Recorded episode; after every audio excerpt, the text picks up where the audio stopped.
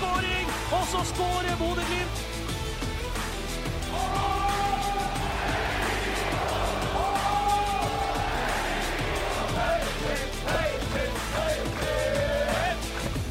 Riktig, riktig god dag og hjertelig velkommen til en ny utgave av Studio Glimt. Podden Glimt er i gang med kamper med et smell i negativ forstand. Knutsen sitt største tap noensinne kom i hans kanskje viktigste sesong. Hva i verden gikk galt? Eh, nå må Glimt òg ut på spissjakt, eller må de det?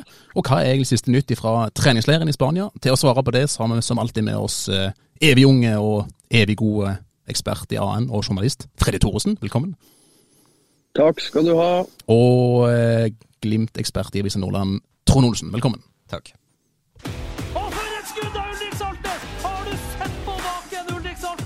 Og mitt navn det er også som alltid Kjetil Rakkenes Anda, og vi må begynne med det som eh, ble bekrefta i helgen. For uh, Faris Pemi Mobanya gjør franskmann av seg og skal spille i Marseille de neste sesongene. En overgang som sies å være verdt 90 millioner norske kroner, og kan komme opp mot 100 millioner norske kroner. Din umiddelbare respons, Trond? Kjempesalg. Uh, Henta han billig. Uh får ut eh, enormt mye av han og, og selger han med enorm fortjeneste i, eh, i, løpet av et lite år. Så det er et eh, meget godt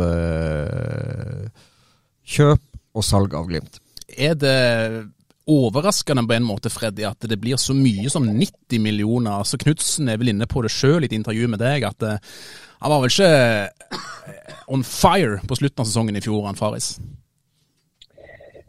Nei, han var ikke on fire, men eh, det vi må ha med i ligninga, er at han er 22 år. Tok uh, voldsomme steg uh, som spiller i løpet av det ene året. Og så er han jo fra Afrika. Afrikanere har jo en tendens til å ha i hvert fall spisser. Det er klart, Jeg vil tro klubbene der ute ser utviklinga Victor Boniface har hatt etter at han forlot Bodø-Glimt. Så av og til så kanskje det legges sammen to og to litt fort. Men, men Faris har fortsatt mye an å utvikle.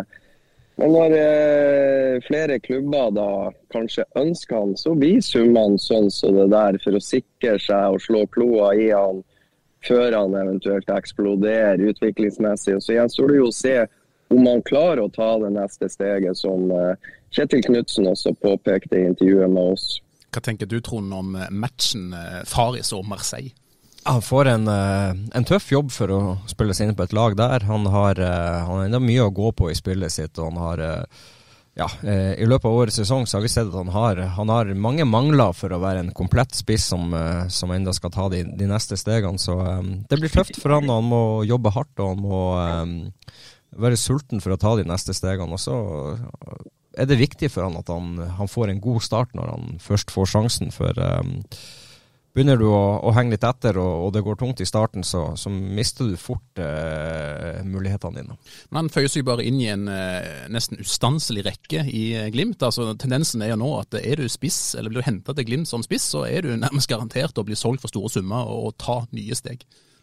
Ja, men det er, jo, det, det, er jo, sånn at hvis du går eh, tilbake til 70-tallet, så, så, har spissplassen i Bodø-Glimt alltid vært eh, en, en, suksess, nesten. Så det, det, det, er en posisjon Bodø-Glimt som klubb har vært veldig flink til å, til å få mye ut av uh, dem som har spilt der. og det, Du kan jo bare gå gjennom de siste ti årene, så er det jo spillere som Fitine Masemi, Sørloth, uh, ja, Kasper Junker, uh, Boniface. Ja, det, det, det, er så mange, og alle har gått ut fra Bodø-Glimt. og det, er en ufattelig bra track record for Bodø-Glimt. og det, gjør også at Bodø-Glimt er veldig aktuell for, eh, for nye spisser som, eh, som, har lyst til å ta sine neste steg. For du, de vet at hvis de går til Bodø-Glimt, så er, er, sjansen ganske høy for å lykkes. Er det her særegent for Glimt, Freddy, eller er det andre norske klubber som kan skilte med samme statistikk? Ja, altså Rosenborg i sin tid fikk jo ut uh, mange gode spillere. Ikke bare spisser, men gode spillere. Altså Rosenborg er vel det som er mest nærliggende å sammenligne. Men jeg syns jo det som Trond er jo en, en beskjeden ung herremann fra Lyngen. Og, og må, det som kanskje er overraskende, er at det er så mange spisser som forlater Bodø-Glimt ute i den store verden etter at Trond Olsen har lagt opp. For det er klart, Trond Olsen serva Iba Layab med masse gode pasninger. Iba skåra, ble solgt til kinesisk fotball og havna senere i Japan. Kristian Fardal Opseth kom eh, til Bodø i voksen alder, fikk pasninger fra Trond Olsen, havna i Tyrkia. Fiti Masemi kom fra Follo, fikk pasninger av Trond Olsen og havna i Israel. Og det er en spiss jeg har glemt. Ja, Sørloth, ikke sant. Fikk lov å spille i lag med Trond Olsen. Masse gode pasninger. En sesong på lån og rakk ikke annet enn å fly hjem til Trondheim. Bytte ut bagen og solgte Gråningen eh, fra Rosenborg. Så det at det, det her eh, evinnelige spissalgene fortsetter uten at Trond Olsen er på banen, det er jo det som overrasker meg mest. Tar du litt æren for salgene, Trond? Selvfølgelig gjør jeg det, men uh, ikke de siste. Har du fått noen bonuser for det her? Nei, det, det, det er tynt. Men, men, men det, det, er jo litt av Freddy er jo litt inne på det. Altså det Spissene i Bodø-Glimt, hvis de gjør jobben sin, og de finner sine posisjoner og er flinke til å angripe boksen, så vil de få mye å jobbe med. Og klart, er du et godt oppspillspunkt og klarer å dra på deg mye, så vil du også få plass i neste fase. Når du kommer rundt på kantene og du har fått sluppet den, så kan du komme inn i boksen og, og avslutte angrepet. Så det er mm, eh, Den posisjonen der er, er meget gunstig for, uh, for, dem som spiller der, og som har tillit til å spille der. Og når du leverer der over, over tid, så, så, blir du fort aktuell for, for andre klubber og større klubber enn en Bodø-Glimt. Og så har du jo litt som vi var inne på i, i AN eh, i helga òg, at det, det, har jo gått spillere fra Glimt til Frankrike før. Eh, kanskje ikke med det største hellet. Er det noen grunn til å tro at det skal gå bedre denne gangen, Freddy? Vi kan håpe at det går bedre også for, eh, for Faris enn eh, det har gjort for Joel og eventuelt andre. Anders Konradsen gjorde det relativt eh, bra, selv om han ikke gikk fra, fra Bodø-Glimt til Renn. Eh, han var også ønska av eh, da han var ferdig i renn, som han ønska andre franske klubber, men han valgte da å, å, å dra til Rosenborg. Men, men tilbake, nå nevnte jeg litt humoristisk, men også litt seriøst de fire. altså Ibba, Fardal, Opseth, Asemi og Sørloth, som fikk pasning av Trond. Så er det jo interessant de fire neste. Kasper Junker, ett år i, Bo i Bodø-Glimt. Så ut i den store verden. Victor Boniface var jo tre år i Bodø-Glimt, men to av de hadde han korsbåndskade, så han fikk vel til sammen én sesong og havna da i belgisk fotball. Altså én sesong frisk. Erik Botheim eh, jo, fikk jo på et vis terminert kontrakten med Rosenborg. Et par dager senere signerte han for Bodø-Glimt. Spilte én sesong ut i den store verden for enorme summer da til Krasjnodar. Men, men i, i, russisk fotball. Men så invaderte russerne Ukraina. ikke sant? Så hvor stor uh, den overgangen til syvende og uh, sist blir, gjenstår jo å se. og Nå er det Mombania for 90 millioner. Også han ett år i Bodø-Glimt. Så det er en trekkrekord å være stolt over, det må jeg si. Du, jo, eh, du er jo tett på troppen i Spania, Freddy. og er i lag med Glimt der på treningsleir. Merker du overgangen der på noen måte? Eller hvordan var de preg av at toppspissen nå har forlatt? Nei, jeg merka ingenting helt til helt til jeg fant ut at jeg skulle ta meg en prat med Kjetil Knutsen om, om, det der, der i, i går. Og eh, altså, ingen, ingenting, ingen som snakker om det. De holder seg jo for seg sjøl. Og jeg sitter i en krok. Eh, jeg oppretter et lite sånn arbeidsbase på hotellet til Glimt. Og Glimt-spillerne eh, sklir jo elegant unna der, ikke sant. Så jeg merker ikke så veldig mye ingen, Veldig lite prat om det, det må jeg si. Men eh, Knutsen eh, hadde nå sine tanker om det. og Det er klart klubben er stolt over å eh, Det er ikke dagligdags å selge spisser rett ut fra eller spisser og spillere rett ut fra Eliteserien til, til en topp fem-liga for 90 millioner. 90, ryktene sier jo at det er 90 millioner up front. ikke sant? Og så er det eventuelle klausuler som kan slå inn. Det kan være antall skåringer, det kan være antall starter, det kan være antall minutter på banen. Så denne overgangen her kan jo øke. Og så får vi håpe at det franske forsvaret ikke finner etter en eller annen nasjon de skal invadere, sånn at uh, det blir sånn som med Botheim. Ja, det er klart det er jo enorme summer, Trond. 90 millioner, du er jo nesten på budsjettet til andre eliteserieklubber. Du er sikkert over budsjettet til en del av klubbene òg, så det, Nei, det er en uh, vanvittig overgang. Eh, og det er klart at eh, jeg tror også Bodø-Glimt ønsker å selge det når det blir sånn som det blir. Og så vet du at de er jo på jakt etter spillere som kan gjøre dem enda bedre. og jeg tror jo at Bodø-Glimt ser at Faris Pemi har en del mangler i spillet sitt som, som gjør at de syns det er greit at den, den, overgangen skjer nå, og så kan de få noen andre inn til å fungere bedre i den måten de ønsker å fremstå på og spille på, for å, for å ta de neste stegene. og uh, Tidspunktet er egentlig meget bra i forhold til uh, det som skjer til sommeren. At du, du, nå eventuelt allerede kan få inn en ny spiss frem til, til, til kvaliken og ja, det som skjer da. Det føres jo inn på egentlig neste spørsmål, og skal utfordre dere begge to til å svare ja eller nei. Begynner med Trond. Må Glimt ha ny spiss før Ajax? De må ikke det. Ja eller nei? De må ikke det. Freddy? Nei.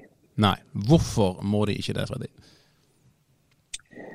Fordi de har tre spisser. De gikk inn i sesongen i fjor etter at Lars Jørgen Salvesen ble solgt til Viking. Så gikk de inn i sesongen med tre spisser. De har eh, kontrakt med tre spisser. Så hvis ikke det kommer et bud på Runar Espejord som gjør at Bodø-Glimt velger å selge Runar Espejord, så trenger de ikke mer enn tre spisser. Jeg tror ikke de har råd til å ha fire spisser, for da er det tre som sitter på sidelinja. Og det er masse diskusjoner rundt at Glimt har for mange midtstoppere eh, i laget. Så jeg tror jeg de må selge en spiss. Nå har de solgt én, de hadde fire. og Jeg tror ikke de går inn i sesongen med fire. Det betyr jo at eh, de må sette sin lit eh, per nå til Oskar Krapskarmo, for vi vet vel ikke noe mer nå heller eh, hvor fort eh, verken Rune Espejord eller Kasper Høeg blir klar. Du snakket jo med en meget kryptisk Kasper Høeg i helga, Freddy. Ja, det jeg ser på trening er jo det. Nå er vi Glimt kom vel ned, var det ikke første trening onsdag i forrige uke. Nå har de spilte en kamp, og de var på feltet nå. Og eh, Oskar Kapskarmo er fortsatt den eneste spissen som fullfører treningen Glimt legger opp til her nede. Eh, Kasper Høeg trener alternativt på sida, og Runar Espejord trener alternativt på sida. Så, eh, så, ser jeg jo det at eh, hvis jeg går og sniker litt på det Kasper Høeg bedriver så er han jo virkelig i stand til å putte ballen i mål. Eh, det er pasning inn i boks, komme på løp, sette den i mål osv. Så, videre, og så, videre. så det som er spennende, er jo å følge utviklinga. Jeg, skulle ønske at For meg ser det jo ut som når sesongen, sesongoppkjøringa starta, så var Runar litt foran Kasper Høeg sånn eh, det der å komme inn i og ta del i oppvarminga og spille og possession og, og, og, og, litt sånn. Nå ser det kanskje ut som de har bytta litt plass, men det der kan jo endre fra dag til dag. Jeg tror Runar fikk en litt sånn føling med det å trene inne i Nordlandshallen, at det ble litt hardt. Og, og eh, plagde, han, plagde, han, litt. Grann, men eh, jeg tror det er fullt mulig at både Runar Espejord og Kasper Høeg kan eh, Altså, De må jo ikke spille mot uh, Salzburg og Hamarby. Det er Ajax som er kampen, og det tror jeg fortsatt er mulig for begge to å bli spilleklar til. Men hvor mye bør de spille nå i oppkjøringen eh, for å på en måte å være klar nok til Ajax? Altså Kan de på en måte være kan, kan de ikke få spilletid i det hele tatt i treningskampene, og så gå inn og starte mot Ajax, eller bør de ideelt sett ha spilt litt treningskamper? Runar Espejord hadde ei plagsom oppkjøring i eh, Spania, eh, i Alicante, La Finca, i forkant av eh, kampene mot Celtic. Og Det første han gjorde etter fem-seks minutter på banen i debuten for Bodø-Glimt, så skåra han 1-0. Så Det er klart optimalt sett for Bodø-Glimt så skulle begge to ha vært i full trening fra sesongoppkjøringa. Men optimale ting kontinuerlig i fotball, det er bare en en del av fotballen som eh, lag og trenere og supportere bare kan drømme om. Sånn er det ikke. Trond, det her gjelder vel kanskje spesielt for Kasper Høeg, som er helt ny i klubben og har på en måte ikke fått spilt seg inn i Glimts system. Der er jo på en måte Espejord et ett steg foran. Ja, det er han jo. Eh, og det, og det er klart at uh, du skal trenes inn i den måten Bodø-Glimt også ønsker å fremstå på. og du, jeg, vet, jeg vet ikke hvor mye Kasper Høeg er klar til å kunne være med eventuelt i, i litt ut av det her han, presspillet og når de går igjennom spillemønster, og er, er han, gjør de noe ut av det, eller er han delaktig i det? Nei, den delen av spillet er han ikke delaktig i. Det er mer sånn eh, eh, disse hvor du bølger fire og fire, så spiller de opp eh, på Kasper Høeg, og så legger han igjen, og så er det avslutt, eller eh, så er det videre nestemann. Altså mer oppvarming, pasningsøvelser, det er det han er med på. Når de bryter ned og setter opp to lag 11 mot 11, så er verken Runar Espejord eller Kasper Høeg med. Da er det Oskar Kapskarmo og Petter Nåsa Dahl som er spissene, som jobber med sine respektive lag. Og så blir det jo da spennende å se hvor fort, eller om vi får se i løpet av oppholdet her nede, at, at vi får se noen treninger hvor Espejord og, og Kasper Høeg er med i det. Men jeg tror også at vi jobber nok litt på kammerset her, utenom det som skjer på feltet, med litt eh, Jeg tror Kasper Høeg har full kontroll på hvordan Bodø-Glimt ønsker at han skal fremstå som spiss i presspillet, altså taktisk foran videoskjermen.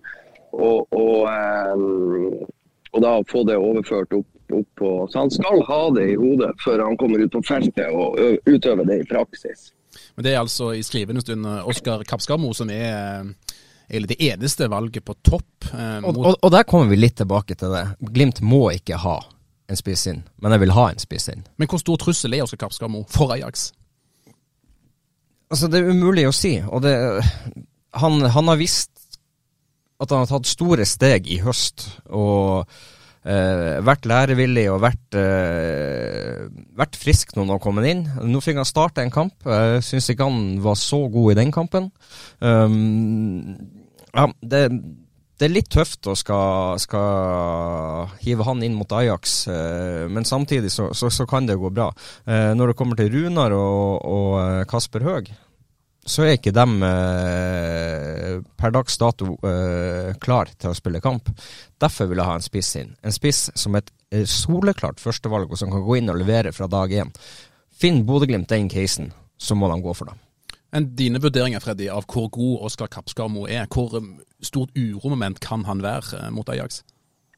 Nei, Det å tro på julenissen at Oskar Kappskarmo skal senke Ajax, det kan skje. Men det er å legge en stor bør på unge skuldre. Ingen tvil, Oskar Kappskarmo har, har på en måte benytta sjansen han fikk ved å gå fra andredivisjon og Junkeren til Bodø-Glimt. Han har tatt vare på alt. Altså, Han har grepet sjansen så begjærlig at det nesten er rørende. Han blir bedre og bedre, han er seriøs og han jobber knallhardt dag for dag.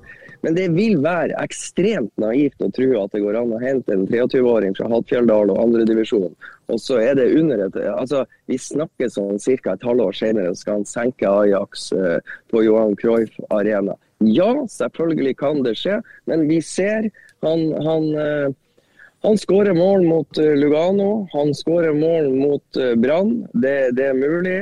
Men han ble et lett bytte for stopperne til Brygge på Jan Breidel stadion i Belgia. Det er Så ærlig må vi være. Der ble han et nummer for små for dem. Da gikk det litt for fort.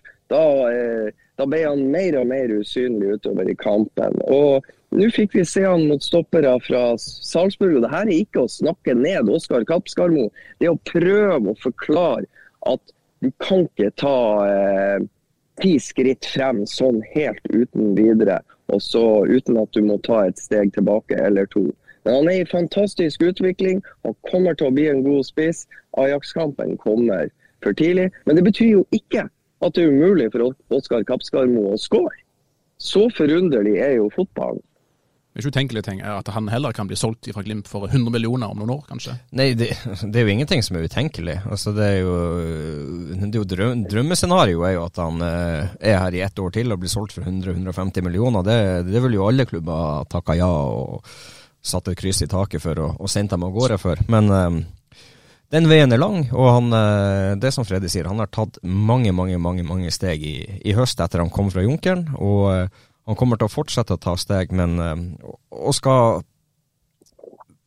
gi han ansvaret for å senke Ajax, det, det er kanskje litt vel tøft. Mm. Før vi legger bak oss Faris, eh, Freddy, vet du noe om hadde han noen andre tilbud fra andre klubber, eller var på en måte Marseille den eneste reelle klubben han, eh, som var interessert i han? Det jeg vet om den casen der, er jo at Aneke sa i, da augustvinduet i fjor var i ferd med å stenge at Bodø-Glimt kunne solgt han for 100 millioner. Det som det at Faris Pemi Monbanya ble en del av troppen til Kamerun, eh, gjorde ikke Bodø-Glimt sitt ønske om å selge han for astronomiske summer noe lettere. For det kan være så enkelt som at de klubbene som virkelig Eh, eh,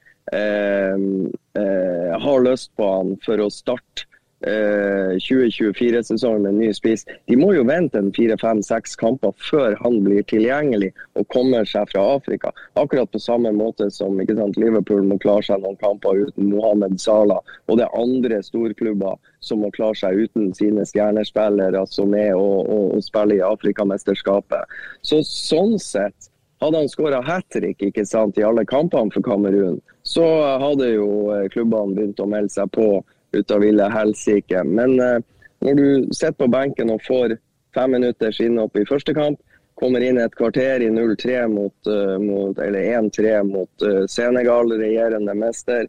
ikke sant? Så, så, blir det mer litt sånn vi vil ha spillere nå, vi investerer 100 mill., vi har bruk for han nå, vi kan ikke vente. Da kan det hende selv om de var interessert i Fari, så går de for en de kan få med på direkten.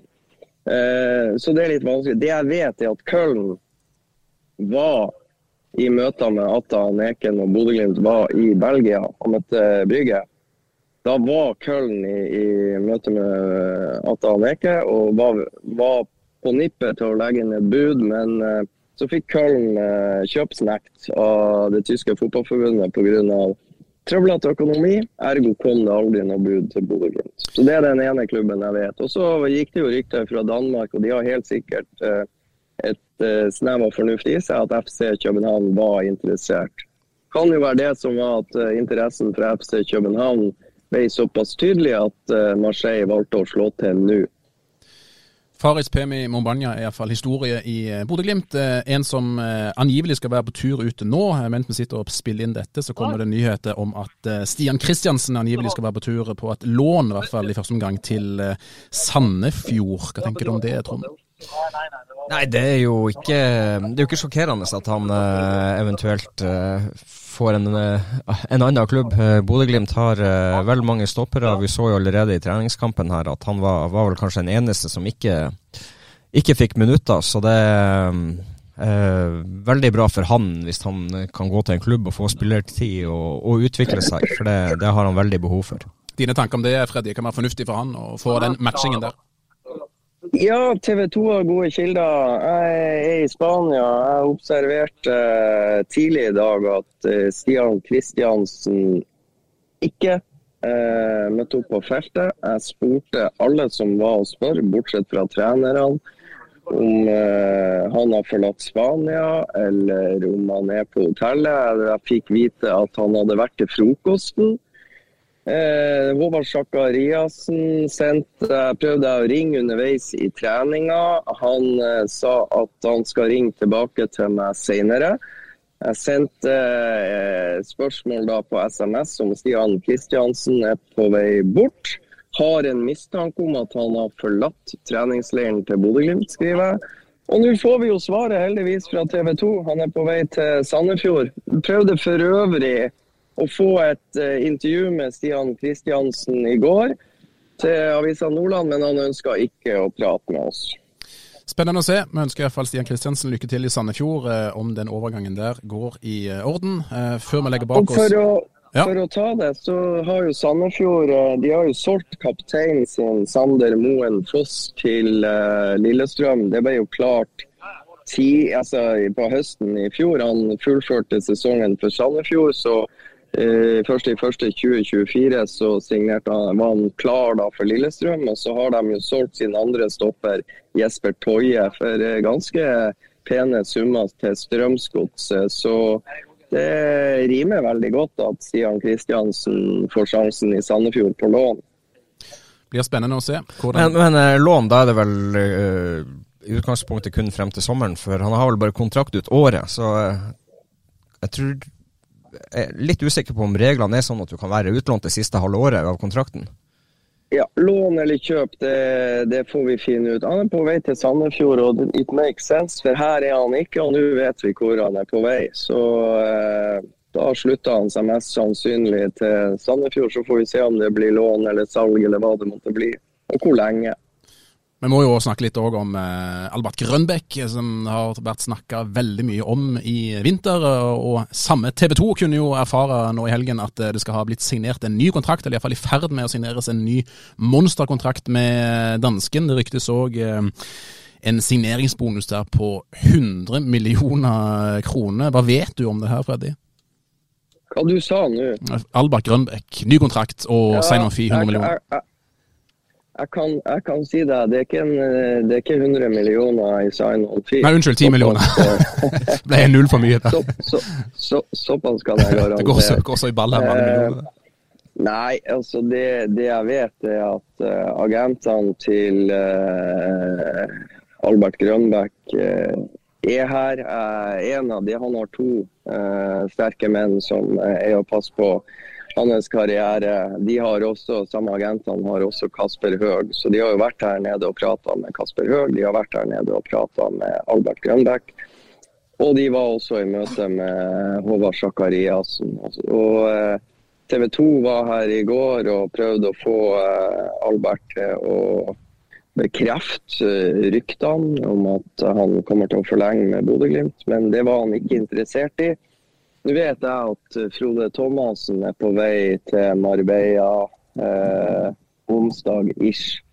Så jeg tenker at onsdag er kanskje en dag Bodø-Glimt posisjonerer seg mot å offentliggjøre at eventuelt Albert Grønbæk forlenger kontrakten med klubben. Det har vel ikke mangla på tilbud til Albert heller, Trond. Hva tror du gjør at, hvis det stemmer det her, at han blir i Glimt? Hva er det som gjør at han blir værende? Nei, det, det, er jo for det første så er det jo den Champions League-kvaliken og den muligheten for å komme seg inn i Champions League. Den trigger han nok, eh, samtidig som eh, han garantert får en veldig veldig god og lukrativ kontrakt i Bodø-Glimt som, som, gjør at det er lettere for han å bli her enn å, å jakte en større kontrakt en annen plass. Og så er det jo han har hatt kortene på si side for å kunne eh, presse opp og frem en ny kontrakt. og eh, ja, eh, Bodø-Glimt gjør det litt for å, for å blidgjøre han, tenker jeg. og Det er jo en vel og bra ting, det. Det er vel kanskje et nytt signal også, det her, Freddy, at Glimt foretrekkes eh, på denne måten her. Altså det, det, er selvfølgelig spillere som har valgt Glimt foran andre klubber tidligere, men i den posisjonen som Grønbæk er i, at han er såpass ettertrakta og heller velger Glimt, det sier vel litt om Glimt sin attraktivitet? Ja, det er jo flersidig det her. Eh, det, suksessen til Bodø-Glimt gjør jo at uh, det dukker opp uh, nye muligheter for Albert og hans team, og det dukker også opp muligheter for Bodø-Glimt. Og det er klart, de takker nei til to bud fra Charlotte FC i MLS i USA. Og ryktene skal jo ha det til at budene er i størrelsesorden 100 millioner der. Spørsmålet er jo hvor mye over 100 millioner eh, budene faktisk er på. Jeg vet at de eh, lønnsbetingelsene Albert er forespeila i USA er helt hinsides. Så det er klart at uh, da er teamet til Albert i posisjon til å til å uh, forlange et sign-on-fee for å vise litt uh, tålmodighet med situasjonen, istedenfor eventuelt presse igjennom et salg, selv om Grønbæk har kontrakt med Bodø-Glimt ut 2027, før Uh, en eventuell ny forlengelse. Så uh, Glimt har jo da, Hvis det er det som er kravet fra Albert sitt team, så, så har jo Bodø-Glimt med et uh, rykende ferskt monstersalg av Faris PMI, så har de jo midler til det. Og for meg høres det fornuftig ut for alle parter. Men hva om en Fredrik André Bjørkan havner i samme situasjon, Patrick Berg og osv., osv., og, og så skal du inn og begynne å diskutere de samme vilkårene for å få, få spillerne til å bli, med kontrakter som egentlig er ganske lang. De setter seg jo i en litt sånn situasjon der de fort må reforhandle med flere for å beholde dem? Ja, det vil jo vise seg, og det er jo mange som har gjort det. Ulrik Saltnes forlenga med Bodø-Glimt, fikk sikkert et sign-on-fee. Brede Mo forlenga med Bodø-Glimt, fikk sikkert et sign-on-fee. Eh, Patrick Berg kom hjem fikk sikkert et sign on fee. Nikita Haikin kom hjem, fikk sikkert et sign on fee. Brisveen Bangomo i sommer forlenga med Bodø-Glimt. Han fikk sikkert også et sign on fee. Så det er jo bare en hverdag Bodø-Glimt må håndtere. Og hvis det stemmer da at det er ti millioner i sign-on fee for, um, for Grønbæk, så er det vel nesten bare peanuts òg hvis de kvalifiserer seg til Champions League?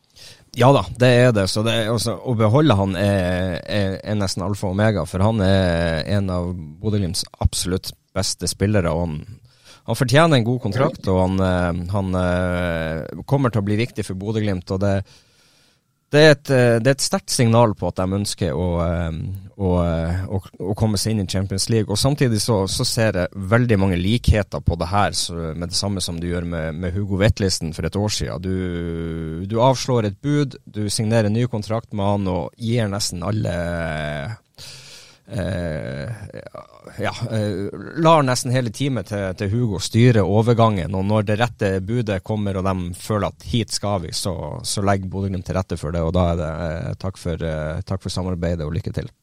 Er det andre overganger i, eh, ferd, som er i ferd med å skje, eller noe som eh, ryktes, som har hørt om? Freddy?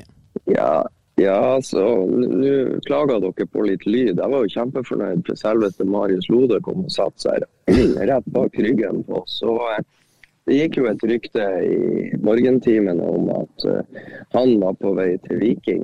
Uh, jeg rakk å sprenge ned på feltet. Marius Lode driver og bytter med Odin Bjørtuft undervei i kampen CT når de spiller 11 mot 11. Så jeg sa bare jeg må prate med deg etter trening. Eh, det har jeg ikke rukket, for dere var så grådige med podden. Sånn er det. Du skal bare ta med direkte i podden, da. Hva det, hva, hva, det, hva, det, hva det som skjer, sier han. Jeg har fem ubesvarte anrop her før trening. Hva, hva, skal jeg til Viking? Ja, det er det jeg lurer på. Skal du til Viking? Ja, nei, jeg vet ingenting, sier han. Så det var nå han var lykkelig uvitende om det. Du får springe bort og ta han med eh, direkte i poden hvis han eh, ønsker det. Du Trond, hørt noen rykter? Nei, jeg har ikke, har ikke hørt noen rykter. men det, det, er enda noen spennende uker her eh, frem til, til 1.2 som, eh, som blir viktig. Eh, og det, det, er både spillere inn og ut, og det, det er jo de her Ajax-kampene som, eh, som eh, blir veldig viktige i forhold til hva de gjør og eh, spillere de får tak i.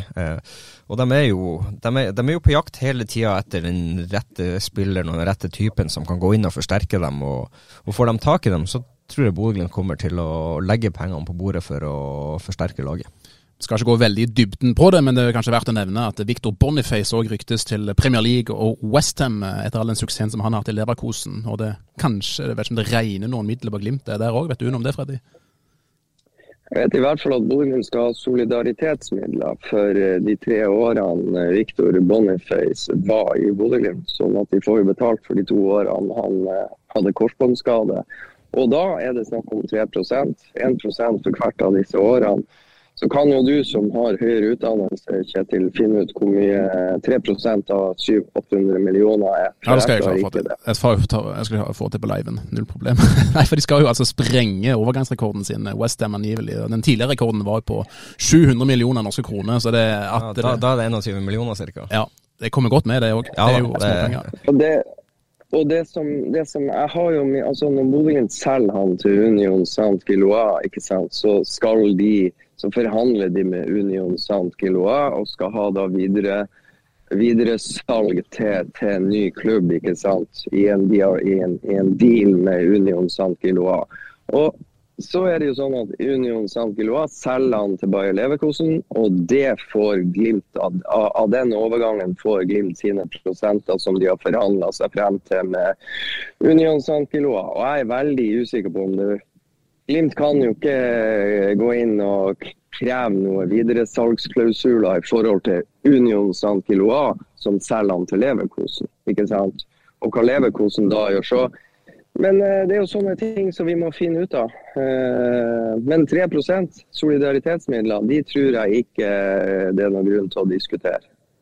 Da ser det skåring, og så skårer Bodø-Glimt! Det var overgangsryktene for nå. Vi skal selvfølgelig skrive mer om de ryktene som oppstår, og følge opp de ryktene som er. Så følg med på an.no fortløpende. Vi må snakke om det som skjedde på fredag, for da var altså Glimt sin eh, kampsesong 2024 i gang. Og det med et smell, altså. 0-6 mot eh, våre østerrikske venner. 6-0, altså. Lyger resultatet litt, Trond? Var det så ille, eller?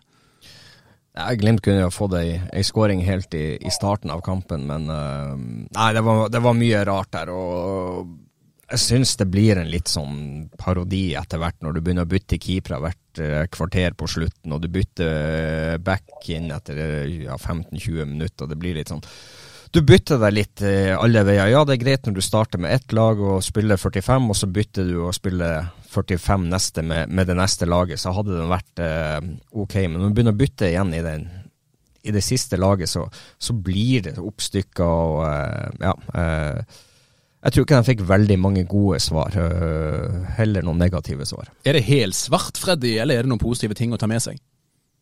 Ja, det positive var drittværet før kamp. Det ga noen kule bilder, iallfall. Det er det positive. For, ja, det ga kule bilder. Det var spektakulært. Det var annerledes å få med seg. Det var jo det positive jeg satt igjen med. Og så syns jeg eh, faktisk fargen på, på, de nye draktene, de likte jeg. Jeg syns de var dritstilige. Det var positivt. Hvem er det som overrasker, da? Var det noen spillere som, som gjorde det godt, tenker du? Nei, vet du, der er han Trond. Trond har redegjort godt. Det er veldig vanskelig å vurdere. Jeg tror det er vanskelig som spiller å, å få tildelt 45 minutter og, og, på en måte skal gjøre det beste ut av det. Jeg syns Patrick Berg eh, åpna litt passivt, og så kriga han seg inn i det igjen. Så jeg syns Bodø-Glimt ligna på et lag de første 45, selv om eh, Salzburg var også da klart best.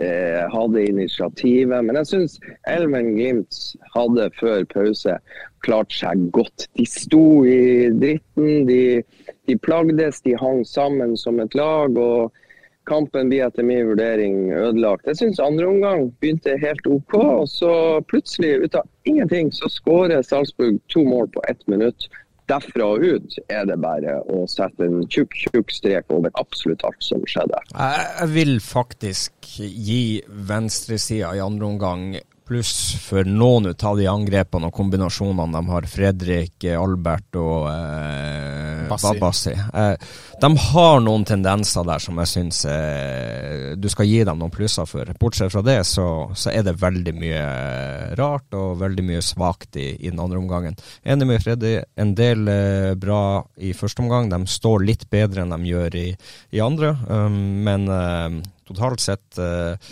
en kamp som eh, Bodø-Glimt er veldig, veldig, veldig langt unna det nivået de skal være. Og det er mange spillere som må mange hakke opp for at de skal eh, starte mot Ajax. Det var jo en del spenningsmoment før kampen òg, spesielt i forhold til midtstopperplass. Nå fikk vi jo se at eh, Amundsen fikk eh, ta plass der, sammen med Jostein Gundersen i første omgang, uh, var det vel. Hvordan vurderer du de, Trond? Ja, de kom klart best ut av den kampen, det stopperparet der. Helt ok. Jeg syns det, det, er vanskelig å, å, skal gi dem et, eh, et godt eller et dårlig svar på det. Eh, jeg vil gjerne se dem når de setter opp den eh, antatt beste førsteelveren, og hvordan de fungerer i lag som lag. og når du da begynner å finne de rette relasjonene og hvordan du ønsker å, å stå frem.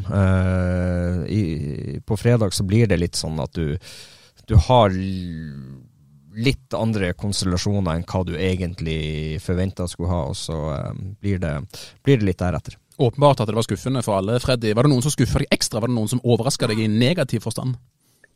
Nei, altså det, det, Jeg er enig med Trond i det han sier. altså I andre omgang altså venstresida, Fredrik André, Albert eh, Bassi hadde noen tendenser det er klart jeg klarer å finne positive tendenser med stort sett de fleste spillerne som gjorde en og annen god aksjon. Isak Amundsen har en før pause hvor han kombinerer veldig fint. Eh, drar av det, det tøffe presset til Salzburg, så Glimt-spillerne visste at de ville komme. og Kombinere med Adam Sørensen. og De spiller hardt uten problemer. Det blir en, en fin sjanse. men uh, det var et jeg sitter igjen med et sånn uryddig inntrykk. Jeg syns det, det, er mange spillere som ikke var på nivå. Det var mange spillere jeg ikke kjenner igjen. Var, de gjorde noe bra, så gjorde de mye dårlig.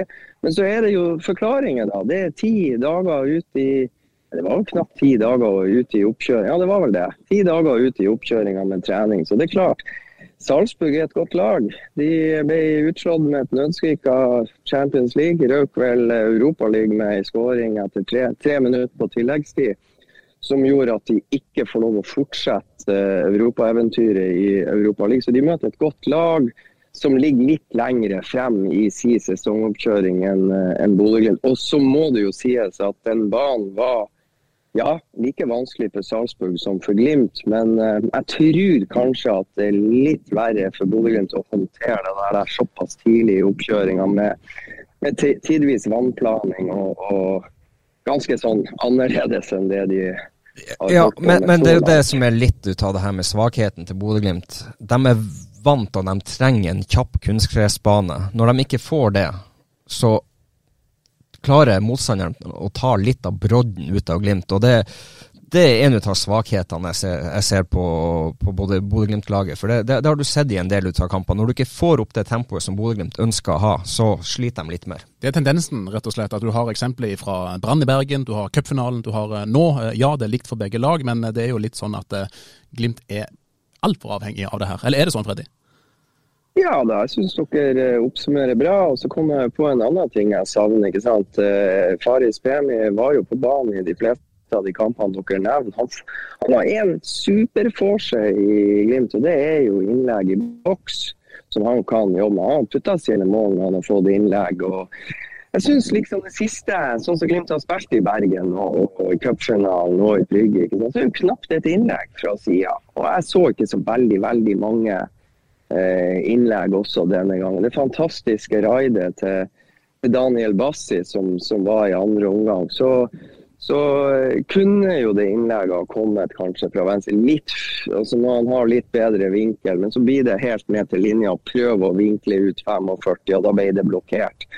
Hadde det innlegget, som faktisk Trond Olsen var ganske flink i på sine eldre dager, altså curlene imellom keeper og stopper, altså i et rom som noen av de her spissene som blir solgt utenlands, kan på en måte eh, ha best Altså de får han langs bakken og de bare dundrer han inn på Men, men, det, på, avhenger litt, en, en men det, det, avhenger litt av at du har en spiss som stikker på, på dem. At de tar det løpet. At, eh, at, han som har ball, ser at ok, her kommer det en bevegelse, nå kan jeg slå den ballen. Det er litt avhengig av at du har folk som tar de bevegelsene for at du skal kunne slå de leggene.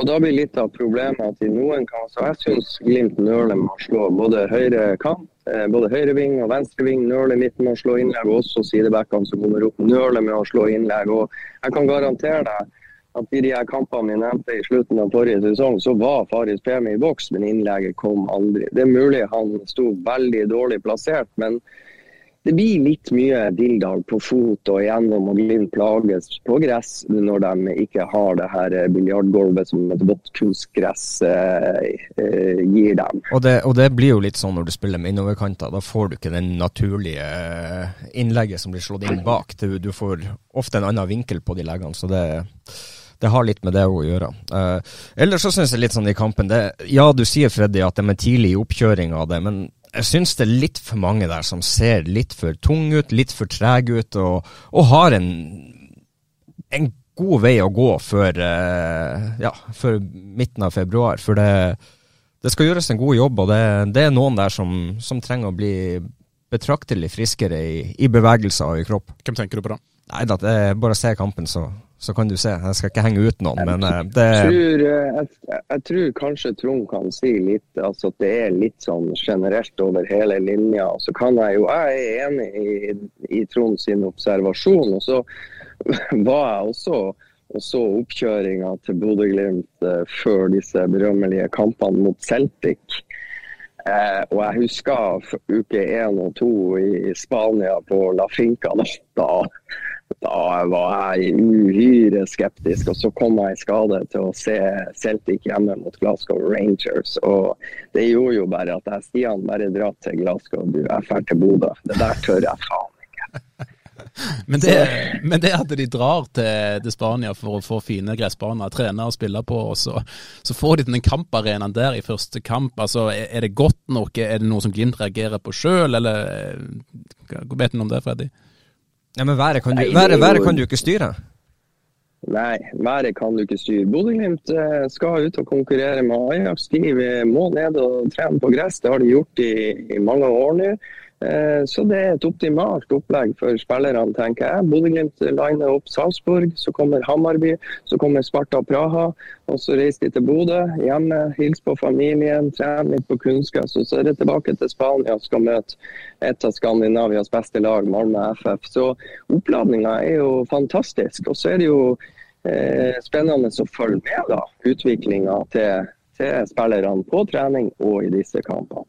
Et par andre observasjoner fra kampen som vi gjerne vil snakke med dere om. Eh, du var litt inne på det sjøl, Trond. Eh, keeperbytte. Nå fikk eh, Feie første omgang, og kanskje vel så det.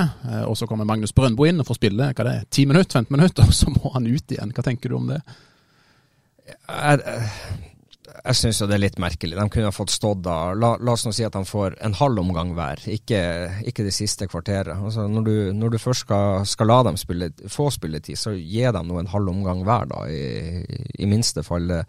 Det, blir litt sånn der eh, på slutten, så, så blir det litt sånn det, det, Jeg var inne på det i stad, jeg syns det blir litt som parodi. Eh, men eh, det er fint for dem å få, noe, få noen minutter, men ja, du kunne bare gjort det første byttet i pausen der. Og Det siste Brøndbo eh, gjorde banen, Freddy, det var å slippe inn eh, ei kanonkule eh, som han knapt rakk å reagere på, og så går han ut til fordel for eh, Isak Sjong. og Vi kunne jo se på TV-bildene at eh, han slo litt ut med armene når han kom ut på sidelinja. Brøndbo var det pga. at han var skuffa av skåringen, var han skuffa av å bli bytta ut, eller vet du om det var noe baktanke bak der, eller? Jeg vet at begge to hadde fått beskjed om at de skulle få et kvarter hver. Og eh, Magnus Brøndbo Jeg hadde, hadde, en prat med de to, som, eh, altså Isak og, og Magnus Brøndbo, som jeg vil tro blir en eller annen sak i Avisa Nordland i løpet av oppholdet. Eh, men de eh, bekrefter, begge to. De fikk beskjed i forkant de skulle få eh, et kvarter hver, og det gleda de seg til, og det så de frem til. Eh, det jeg tror Magnus var oppgitt på, var at det der helsike skuddet skulle komme akkurat idet han eh... Jeg mista vi Freddy bitte litt, men eh, du kan kanskje fullføre setningen foran Trond. For det, det skuddet som han slipper inn der, det, det er bra skudd, men han ser ut som han mister kanskje fotfestet litt, eller at han er på vei en annen plass. Ja, eller ser ikke utgangen ordentlig på det skuddet der, så det, det er en flott skåring. Og jeg tror ikke han hadde kunnet gjort så fryktelig mye med det uansett. Eh, litt vanskelig kameravinkel for meg å se nøyaktig hvordan den går. Andre observasjoner fra kampen. Eh, Marius Lode på høyre bekk i andre omgang. Det var kanskje bare fordi at Omar ikke skulle få en full omgang? Ja, Omar skulle vel få spille det, det han maks kunne spille etter, som jeg har forstått. Og det, det var de minuttene han fikk. Og så, eh, ja. Marius hadde ikke noen veldig gode minutter på bekken der. Det, det, han er vel involvert i et par overganger som, som blir blir stygg imot. Det er det vel ikke noe stor sannsynlighet for at vi får se Marius Lode på høyre bekk i løpet av sesongen, Freddy? Nei, det er vel ikke stor sannsynlighet for det. Jeg så at på trening i dag var han tilbake til høyre back, men det var vel ikke fordi at trenerne ville det. Det var fordi at det var ingen andre å sette der. For eh, Omar sto av de siste ti. Og da Eh, de siste ti minuttene av storbanespillet. Og frem til da så hadde jo Marius Lode og Odin Bjørtuft fordelt spilletida seg imellom ganske likt i eh, spann med Brede Mo. Det er kanskje ikke så sannsynlig å se han på høyre bekk, men det er kanskje mer sannsynlig å se Ulrik Saltnes eh, på, midt på midtbanen, i og med at Syva Skeide er ute, trolig i flere måneder. Hvordan syns du han klarte seg, Freddy? Jeg syns Ulrik Sartnes var mye bedre på trening på sitt lag enn det han var i kampen mot Salzburg. Og observasjonen fra trening i dag er at uh, Ulrik Sartnes er tilbake som indreløper, og så er det da Fredrik Sjøvold som får testa seg i det vi kan kalle syver-skeide-rollen. Uh, og jeg har uh, da snakka med Eirik Kolstad om det etter trening, og han sier det er korrekt observert, og det er mer for å la Ulrik spille i den posisjonen han er best i. Og så er de nysgjerrig på å se hvor, hvilken type utvikling Fredrik Sjøvold kan få i den rollen han hadde før han ble Glimt-spiller. Fredrik har jo ikke sant, vært uh, høyre back og indreløper. og Nå får han prøve seg litt på trening som sentral midtbane. Hva er en best backup der, Trond, når uh, Skeide er ute? Det, det, er vanskelig å si. Jeg har ikke sett uh, Fredrik Sjøvold veldig mye på den uh, sentrale midtbanen, så uh, Spennende. Han, det er jo der han har vært best tidligere. Så, så, er det jo noen nivå opp og skal gjøre det i, i både Eliteserien og i, ute i Europa. Så det, det, er en, det er en tøff rolle å, å skal gå inn og, og, være hjertet i laget på. Så ja. Jeg tror jo kanskje han eh, kan løse den litt bedre enn Ulrik. Ulrik er nok mer en indreløper enn en uh, sentral midtbanespiller. Petter Nåsa Dahl Ja, unnskyld. Og Kjetil, det er jo de tingene de bruker tida nå til å finne ut av. Ikke sant? Behersker Fredrik Sjøvold det? Sjansen er jo like stor for at Fredrik Sjøvold behersker det. Han har jo tross alt loggført en sesong i Eliteserien med Bodø-Glimt og fått sin erfaring på nivået, selv om han har spilt i andre posisjoner. Syver Skeide har jo stått og spilt sentral midtbane for et Hødd-lag som vel rykka ned, ikke sant. Så eh, jeg syns det er fornuftig at de prøver, og så blir det da spennende å se. Tar uh, Sjøvold vare på muligheten? Eh, og, og, De har prøvd Ulrik, nå prøver de Sjøvold, og så er det litt prøving og feiling. og Så får de telle opp. Så må jeg spørre Roger om Petter Nåsa Dahl, som eh, var på, på topp, midtspiss i andre omgang. Er det en mulig permanent løsning, Freddy?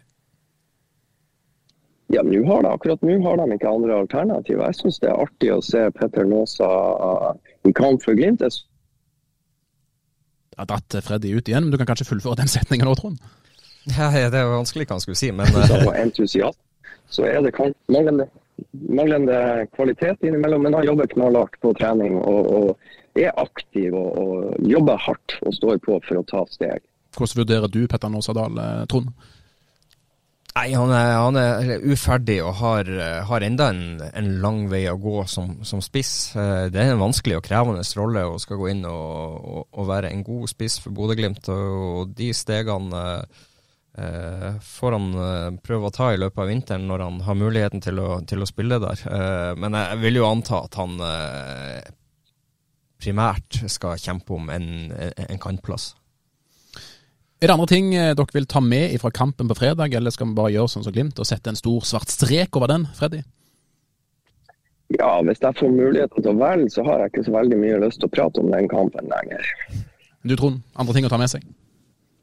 Nei, ikke noe annet enn at uh, de fikk en brutal start på, på, på årets sesong. Uh, og det, det er der lista ligger. Uh, de har mye å strekke seg etter, og det, det blir interessant å se de neste kampene. Fred? Vi kan ta med, vi kan ta med en ting til, Kjetil. Ja, nå har dere finta meg sånn ut her. 6-0, det var jo brutalt. Men de tapte 6-0 mot Vålerenga i 2019. Og så klarte de vel å, å løfte seg igjen ganske kjapt etter det. De smadra nå Vålerenga når de fikk sjansen hjemme på Aspmyra senere den høsten. Så det har skjedd før.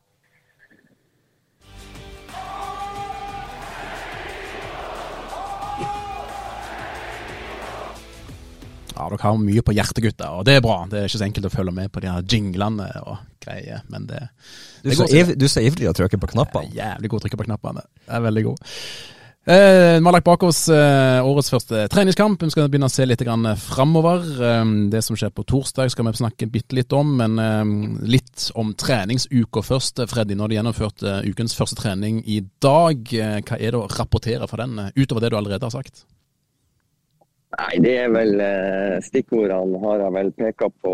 De gjort justering i midtbaneleddet. Saltnes er på plass som indreløper. Og eh, Sjøvold eh, flytta inn som anker. Det ser ut for meg som at det er stort sett de to samme lagene som matches mot hverandre. Altså det laget som spilte før pause. og det laget som spilte etter pause. Det er sånn cirka sammensetningen. Isak og Jostein Gundersen spiller i lag. Brede Mo veksler på å spille med Odin Bjørtuft og Marius Lode. Så eh, det er mye av det samme. Og så jobbes det da med det de har bestemt seg for å jobbe med. ikke sant? Avstandene i midten, presse, omstilling fra offensivt press til defensivt press. Og det jobber begge lag med. Og det er vel mest sannsynlig for at eh, alle spillerne som er i sine respektive roller, skal få på en måte akkurat den samme øvinga. Det er liksom ikke bare Patrick Berg sitt lag som skal bli god på dette. Det andre laget med Fredrik Sjøvold skal bli like god. Så de øver ganske sånn heftig mot hverandre. Og det er mye stopp og, og dirigering. og så ruller det på en stund, så er det stopp og dirigering og justering fra samtlige trenere. Mest Kjetil, men også Gaute. Helstrup er å dirigere litt. og så er det noen sånne her sekvenser hvor, hvor de øver på å det ene laget skal ha høyt press. Da er Nikita utpå, så skal de sette i gang bakfra med en eh, aktiv Nikita Haikin som skal på en måte finne disse, de riktige løsningene for å spille av presset sammen med resten av forsvarsfiret.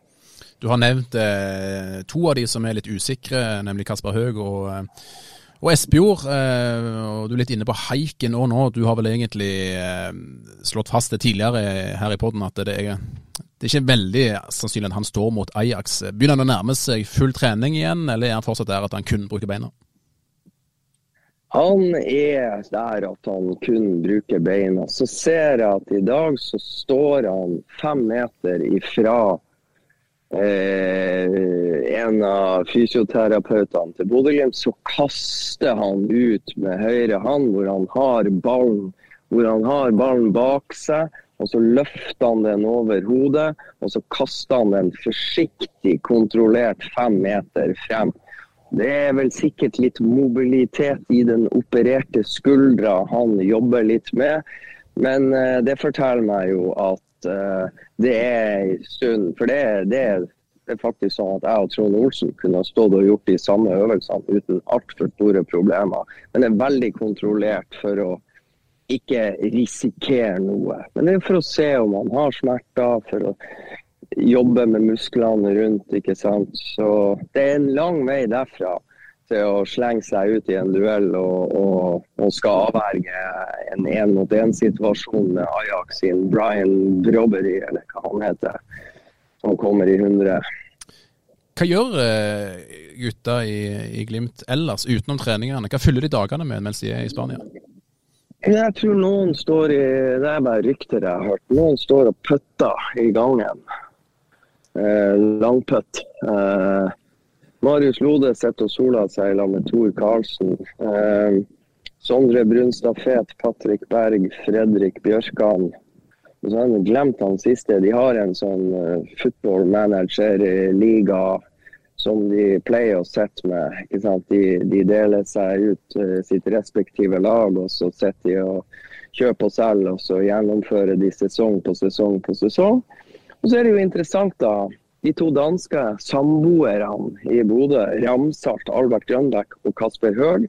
Kasper Høeg nøler ikke med å avsløre at uh, Brede Moe er en av de han må være inne med uh, for å bli en god Glimt-spiller. Han har rotta seg inn på kortbordet til Brede Moe.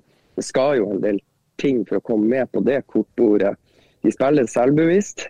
Og det er artig at det er to dansker, og så er det tre midtstoppere. Jostein Gundersen, Brede Moe og Odin Bjørtuft, som kortbordet består av. Så det ser nå for meg ut som at konkurransen mellom de her tre midtstopperne her i hvert fall er på et fornuftig plan. Så er Marius Lode av og til innom og sjekker for å finne ut hvem han stopper han som gjør det dårligst i selvbevisst, så han kan prøve å dra han ned. Han, han er inne og sjekker regnskapet? Hva du sier? Jeg sier han er, han er innom og sjekker regnskapet. Ja, ja, ja, absolutt. Absolutt. Hvem man kan syke litt ned til, til lunsj eller middag eller kveld. er det vanskelig å få dagene til å gå på sånn leir, eh, Trond? Nei, både ja og nei. Men uh, som regel så, så, går det ganske fort. Det er trening, det er en del møtevirksomhet. Gå gjennom spillestil og se på, på klipp ut av seg sjøl og motstandere. og ja, eh, hva du kan gjøre bedre. Litt kortspill, og så er det jo å nyte det sola litt innimellom for å fylle på med litt vitaminer. Så det, eh, det kan være tøft hvis det bare er dritvær og du ikke kan være ute, og det, så kan det bli litt lange dager. Men, eh, men de er privilegerte og har det fint. og eh, Forholdene deres eh, nå er nok eh, mye, mye bedre enn det vi bare hadde for noen år siden. Før vi runder av skal vi snakke bitte litt om det som skjer på torsdag, for da er allerede neste treningskamp mot Hammarby klokken 16.00. Den ser du òg på an.no. Og Direktesport, gjør de noen grep inn mot den, Freddy? Eller hva forventer du av progresjon og, og til den kampen? Nei, Jeg tror ikke de gjør noe grep. Jeg tror de fortsetter med sitt. Og så uh, tror jeg de uh, jobber med de her tingene som de har bestemt seg for at de skal jobbe med. Så tror jeg både spillere og eh, trenere har fått en liten sånn reality-sjekk, og så er alle interessert i å vise seg frem fra en helt annen side. Det er ingen som vil være bekjent av inntrykket de etterlot seg etter møtet med Salzburg. Så litt revansjelyst, men uh, de, jobber med detaljer, og, og, og, det fortsetter de med. Nå er det som sagt første ordentlige trening. I går var det mer som dag to etter kamp. Vi hadde fri lørdag. Eh, i rolig innkjøringsøkt, og så var det mer punch. Den varer nærmere to timer enn i dag. Så eh, jeg tenker eh, jeg forventer å se i, eh, i, morgen og frem mot kamp eh, possession-økter med tilstedeværelse, tempo, fart og kraft. Og så begynner de å jobbe elleve 11 mot 11. Og, og, så får vi jo se om jeg ser eller oppdager noen andre tendenser enn de jeg så i dag. Eh, så det, kan, det som på et vis Nå er jo Stian Kristiansen, ikke sant. Så har vi fått bekrefta at han som min mistanke når ikke han kom på feltet, han sitter antageligvis på et fly og, og skal av gårde til Sandefjord. og uh, Kasper Høeg og Runar Espejord trener alternativt. og Omar Labdelaue og Sondre Brunstad Fet sto av uh, de siste ti av dagens trening. Og den store troppen da, til Bodø-Glimt som vi alle har snakka om, det, den er jo såpass stor at allerede 10-12-13 dager inn i sesongoppkjøringa, så er det når treninga avsluttes, så må det ene laget være ni og det andre ti for å få gjennomført det de ønsker. Det er ikke noen tvil Trond, om at det er enkeltspillere som må steppe opp her i allerede neste kamp for å begynne å bli aktuelle for en startplass mot Ajax? Ja da, det er det. Og det, det, det er klart at jeg, jeg tror jo det blir litt mindre bytting inn uh, i de neste kampene som kommer, og det blir mer uh, mer med leiting etter den rette elveren eh, til de to Ajax-kampene. Så eh, det blir veldig spennende å se hvordan, hvordan, valg de faller ned på, og hva, hva de ender opp på. Ja, midtstopperplass og eh, ja, spesielt midtstopperplass. Du Freddy leverer nok en eh, startelver der eh, etter hvert. Det er veldig tidlig nå å si hvem som kommer til å starte den når vi kun skriver mandag i dag. Ja, så eh, Det er umulig å gjette nå. Jeg ser jo de to elverne som spiller mot hverandre her nede. Så, så eh, jeg ser ikke bort ifra at det blir Bris, Jostein, eh, Bris, Jostein Isak Amundsen, Adam Sørensen. Får vi se om de dytter inn Fredrik Bjørkan der, da. Og uh, Ulrik Saltnes, Patrick Berg. Uh, Tobias Gulliksen for å gi Tobias enda en mulighet som indreløper, vel vitende om at de vet at Albert Grønbæk fungerer. Og Sondre Sørli og Oskar Kappskar mot Arnald Pellegrino. Det får bli min gjetning på elver mot uh, Hamarby. Det blir spennende å se. Fasiten eh, får vi nok uh, når vi kommer til torsdag. Er det mer å legge til, Trond? Nei, føler vi har vært igjennom det meste akkurat nå. Freddy? Ja, nå har jeg bare 20 strøm, så snart blir jeg kobla av av meg sjøl. Hemma og lad. sånn er det når man er Freddy Thoresen. Da er det alltid tomt av strøm. Nesten. Man er så opptatt. Veldig bra. Nei, nei teknikkens far. Han eh, ja. må, må, finne ut hvor han skal stikke i kontakten. Det Veldig bra. Det er bra. Tusen takk for følget, kjære lyttere. Takk til eh, Freddy fra Spania. Takk til Trond Olsen her i Bodø. Husk altså Bodø-Glimt-Hammarby torsdag klokken 16.00.